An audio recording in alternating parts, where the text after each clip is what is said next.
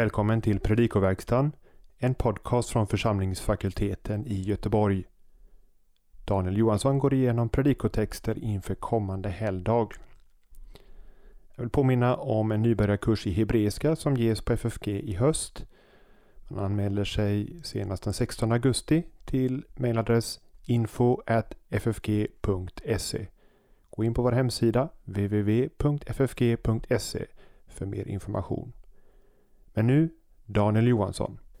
Evangeliet för sjätte söndagen efter trefaldighet, årgång 3, kommer från Lukas 9, 51-62.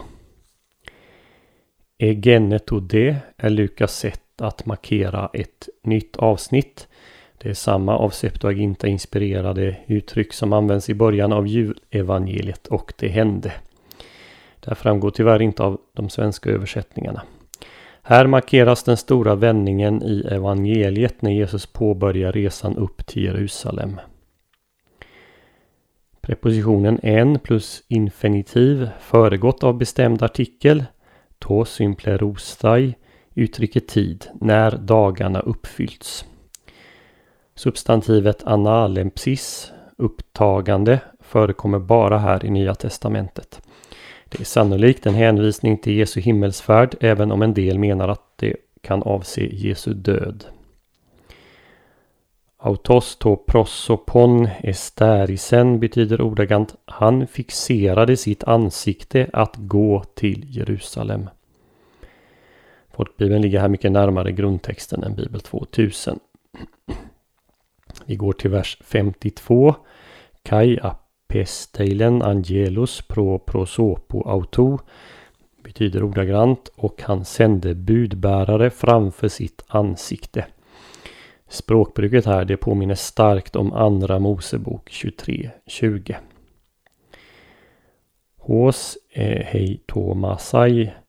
Hos plus infinitiv för att uttrycka syfte. Det är inte särskilt vanligt Eh, som ju används här. Det märks också i många handskrifter som har det vanligare håste. Samma konstruktion som här finns dock i Apostlagärningarna 2024. To prosopon auto en porev omenon eis Jerusalem översätts ordagrant till hans ansikte gick till Jerusalem. En porev omenon är en perifrastisk konstruktion imperfekt av vara tillsammans med pretens particip, här gående. Det blir en imperfekt och vi översätter med gick. vi hoppar fram till vers 54 och satsen Eipomen pyr katabenai apoto orano kai analosai autos. Den satsen uttrycker innehållet i vad Jakob och Johannes undrar om Jesus vill. Satsen inleds med en hortativ konjunktiv och man skulle översätta så här då. Låt oss säga eld att komma ner från himmelen och förgöra dem. Men vi behöver i översättning göra om det här till en att-sats. Vill du att vi säger eld att komma ner från himmelen? Och så vidare. Några handskrifter här en intressant variant som lägger till orden hos Kai Elias epojesen. Så som också Elias gjorde. Stödet är för svagt för att det här ska vara en ursprunglig variant men det ger ändå en insyn i att man här sett en anspelning på Andra Kungaboken 1.10 och framåt. I vers 57 är Porevo menon auton en genitivus absolutus och vi översätter när de gick. Hoppo följt av an i samma vers betyder vart helst eller när helst. I vers 59 noterar vi att verbet epitreppo tar dativ. Det följs därför av ett pronomen och ett particip i dativ. Moi apelfonti. Tillåt mig att efter ha gått bort och så vidare. Lukas formulering med ett particip istället för ett infinitiv som Matteus har eh, i motsvarande ställe i 8.21 det lägger en starkare betoning på begrava men en svagare betoning på att gå bort.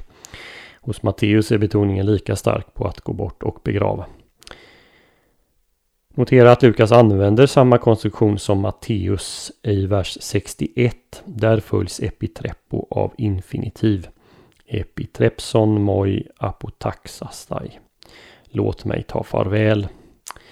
Till sist i vers 62 lägger vi märke till att de båda aoristparticipen epibalon och bleppon är båda attributiva.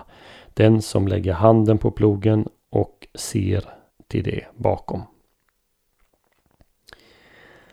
Vår evangelieläsning består av tre delar. Först har vi vändpunkten i Lukas evangeliet där Jesus vänder sig mot Jerusalem i vers 51. Sedan eh, läser vi om hur Jesus blir förkastad av en samarisk by i verserna 52 till 56. Och så till slut så är det tre möten på vägen. En som vill följa Jesus, en som Jesus kallar men som kommer med invändning. En som vill följa men under vissa villkor. I verserna 57 till 62. Några kommentarer så till varje del. Det är redan i slutet av kapitel 9 innan Lukas ens har kommit till mitten av sitt evangelium. Han lägger in notisen att Jesus nu vänder sitt ansikte mot Jerusalem. Det här är så mycket mer påtagligt som att materialet i de följande nio kapitlen inte har eh, så många direkta kopplingar till vägen utan den består av undervisning, framförallt många av Jesu mest kända liknelser. Men uppfyllelsen av det Jesus samtalat med Mose och Elia om eh, på berget i 9.31 om hans Exodus, som ju för övrigt är temat för nästa söndag. Uppfyllelsen av det här påbörjas nu strax efter att Jesus kommit ner från berget. Även om Lukas uttrycker det här annorlunda än Markus är poängen densamma. För Markus är nedstigningen från berget också början eh, på nedstigandet i lidandets tal. Här om eh, hos Lukas så talas det flera gånger om Jesu ansikte. Och det är nog troligen en anspelning på Jesaja 50, verserna 57. Där Herrens tjänare inte döljer sitt ansikte och han gör det hårt som sten. Jesus är fast besluten att gå mot Jerusalem trots det lidande som väntar honom. Kapitel 9 slutar som det börjar med att Jesus sänder ut sina lärjungar. Det gör han i 9.2. Och sedan så sänder han för övrigt ut de 70 alldeles i början av kapitel 10. Alltså det finns en koncentration av utsändande här i kapitel 9 och 10. Jesus sänder dem framför sitt ansikte och de kommer till Samaria. Bortsett från en liten notis i Matteus 10.5 är Lukas ensam bland synoptikerna med att visa intresse för samarierna. Han talar om dem här och sedan i 10-33, 17, 11 och 16. För att sedan i sin andra volym ägna ett längre avsnitt åt den framgångsrika missionen ibland dem.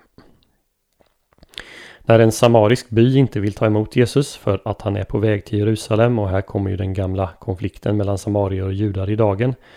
Eh, som vi också då eh, stöter på i Johannes 10. Men när de inte vill ta emot honom så gör CBD-bröderna skäl för namnet Jesus har givit dem, Oskans söner. De frågar Jesus om de inte ska begära ner eld från himlen på samma sätt som Elias gjorde över de trupper på 51 man kungen i Samaria sänt ut. De båda bröderna går här emot Jesu tydliga explicita instruktion till dem att de inte ska göra något mer än skaka dammet av fötterna när en by inte tar emot honom. Det kan man läsa om i Lukas 9.5. Notera att Jesus inte ifrågasätter att det, skulle vara om, eh, att det skulle vara möjligt att kalla ner eld, men det får inte ske. Jesus ser längre än lärjungarna och för den som läser vidare i Lukas två volymsverk så blir det uppenbart varför den fientligt inställda byn inte skulle förgöras. Samarierna ska istället omvändas. Vem vet, kanske den omnämnda byn var en av dem Johannes tillsammans med Petrus besökte för att bekräfta evangelisten Filippus missionsarbete i Apostlagärningarna 8. Lägg också märke till hur strängt Jesus tillrättavisar sebedena. Samma verb, epitimesen, används när Jesus tilltalar demoner, sjukdomar och stormvinden. Något man har kunnat läsa om tidigare i Lukas evangeliet 4.35, 8.24, 9.42 bland annat. Den tredje delen handlar om tre personer Jesus möter på vägen och centripetal respektive centrifugal mission. Den första dras till Jesus och vill komma efter honom. Jesus svarar med en liknelse eller ett ordspråk som säger att rävar och fåglar har någonstans att bo, men inte han. Den här saken har ju för övrigt precis illustrerats med hur han togs emot i Samarien. Det är fullt möjligt att Jesus här också anspelar på Herodes, som Jesus själv lite senare kallar för en räv i 1332, och på romarna. Himlens fåglar är en symbol för hedna folken i den samtida judiska litteraturen. Hur som helst, Jesus ställer mannen inför en fråga. är du allvarlig och övertygad i den intentionen du har att efterfölja mig? Eh, är du beredd att efterfölja Människosonen som är förkastad? Vi vet inte vad mannen svarade. Som så ofta i Lukas ställs åhöraren eller läsaren själv inför de här frågorna och får själv besvara dem. Det är ju för övrigt lämpligt om predikanten ställer församlingen inför dessa frågor på söndag. Den andra mannen är ett exempel på den centrifugala missionen Jesus kallar honom, men han har en invändning. Ofta har hans invändning tolkats så att hans far precis har dött. Är det då inte lite väl okänsligt av Jesus att, tillåta, att inte tillåta honom att begrava fadern? Så har man inte förstått dialogen i Mellanöstern. Om hans far precis dött, vad gör han då ute på vägen? Hans plikt var ju att sköta om begravningen. De arabiska kristna de menar att frasen ”låt mig först begrava min far” är ett traditionellt idiom som avser sonens plikt att förbli hemma och ta hand om sina föräldrar tills de har gått hädan i frid. Vad mannen i praktiken säger är att hans omgivning ställer krav på honom. Inte menar väl du Jesus att jag ska bryta mot dessa? Jo, det är precis vad Jesus menar. Han ställer sig själv över de kulturella kraven. Han är viktigare än far och mor och det säger ju något om vem Jesus gör anspråk på att vara. Vi vet inte om mannen sa nej till Jesus eller om han gick ut och förkunnade Guds rike så som Jesus uppmanar honom att göra. Här ska vi notera att man kan följa Jesus och känna hans rike utan att bokstavligen följa efter Jesus på vägen under hans jordeliv. Vi ser ett likadant exempel i 8.38-39 i Lukas evangeliet. Den tredje kommer till Jesus men han har ett förbehåll. Återigen hjälper oss arabiska kommentatorer. Att ta avsked av sitt hus betyder inte att säga hej då. Personen som lämnar i Mellanöstern begär tillåtelse att lämna av dem där hemma. Det är de där hemma som kan säga hej då. Mannen önskar följa Jesus men faderns auktoritet där hemma står över Jesu auktoritet. Han måste få tillåtelse först. Nej, säger Jesus och han använder som så ofta en bild från jordbruket. Den som börjar plöja och sedan ser sig tillbaka kommer att köra snett, förstöra de fåror som redan plöjts. Han riskerar att förstöra dräneringen för vattnet eller att låta nysådda fröer bli exponerade för fåglarna och annat som plogen användes till. Eh, Mannen kom frivilligt till Jesus i tron att hans trofasthet mot riket kunde komma i andra plats. Men nej, säger Jesus. Jag kommer först. Och eh, som åhörare måste vi svara på Jesu tilltal och Jesu kallelse. Du har lyssnat på ett avsnitt i Predikoverkstan från församlingsfakulteten. För att stödja FFG och för Predikoverkstans verksamhet ge en swishgåva på nummer 123 100 8457 eller på annat sätt som finns beskrivet och angivet på hemsidan www.ffg.se. På hemsidan hittar du också information om aktuell verksamhet och resurser som det är fritt att ladda ner och ta del utav.